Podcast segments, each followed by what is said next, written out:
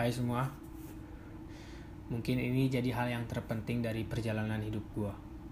Dan ini yang bakal jadi suatu rekaman pelajaran dari begitu banyak apa yang gue ambil. Dan dengan ini gue bisa terus belajar dan memahami apa yang dimaksud Tuhan atas pengalaman yang gue udah dapat dalam rangkuman tahun-tahun perjuangan.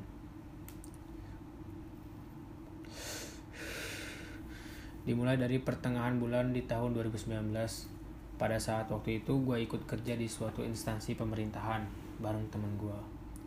Memang sebetulnya bukan jadi rencana pasti gue buat kerja di sana. Cuma waktu itu gue pikir untuk mengisi waktu luang ya gue bisa ikut cari pengalaman di sana untuk nunggu hasil tes masuk jenjang ke perguruan tinggi. Dan mungkin ternyata nasib berkata lain di tahun itu gue belum bisa ngelanjutin jenjang pendidikan gue ke perguruan tinggi. Jujur di situ ngerasa berat banget. Sampai ya gue nangis. Mungkin bukan karena cengeng tapi karena ngerasa kayak gue yang bakal jadi pembeda di antara semua cucu eyang. Karena tahun ini belum bisa ngelanjutin jenjang pendidikan gue dan pada saat waktu itu uh, ya gue bertanya ini nggak akan apa-apa ya karena gue rasa ada beban latar belakang keluarga yang memang semua berasal dari titel intelek. Mungkin kasarnya begitu.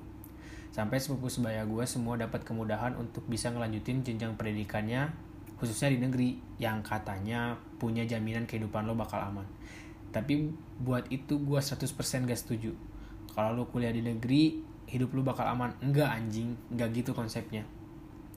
Dan ada prinsip yang selalu gue pegang orang lain itu bukan titik tolak ukur buat ngejalanin kehidupan kita. Dan untuk bisa berdamai dengan keadaan kayak gitu, gue butuh waktu dan jelas setiap orang punya waktu masing-masing buat nentuin kapan lo bisa berdamai dengan keadaan yang memang sedang terjadi. Setelah mungkin bisa ngerasa ya udahlah nggak apa-apa santai aja masih ada tahun depan di situ gue ngerasa ya udah sekarang mungkin jalannya buat belajar gimana sih orang tua tuh cari nafkah gitu kan. Sebetulnya gue ikut kerja itu cuma sampai pengumuman penerimaan mahasiswa. Abis itu gue cabut. Tapi ternyata memang harus belajar dulu biar gue ngerti gimana sih mereka tuh cari nafkah buat anaknya gitu. Seiring berjalannya waktu pada saat itu gue banyak banget dipertemukan sama orang-orang yang notabene-nya mereka itu mahasiswa. Tapi apa yang gue dapat dari mereka, mereka cuma ngeluh sama tugas, mereka bosen di kelas, mereka mungkin ya foya-foya.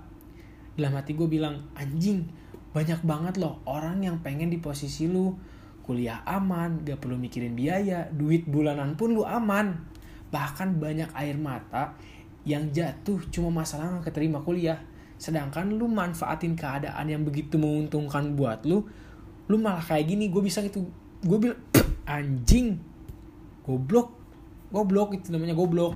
Itu kali ya sebabnya kita mesti jangan terlalu sering lihat ke atas.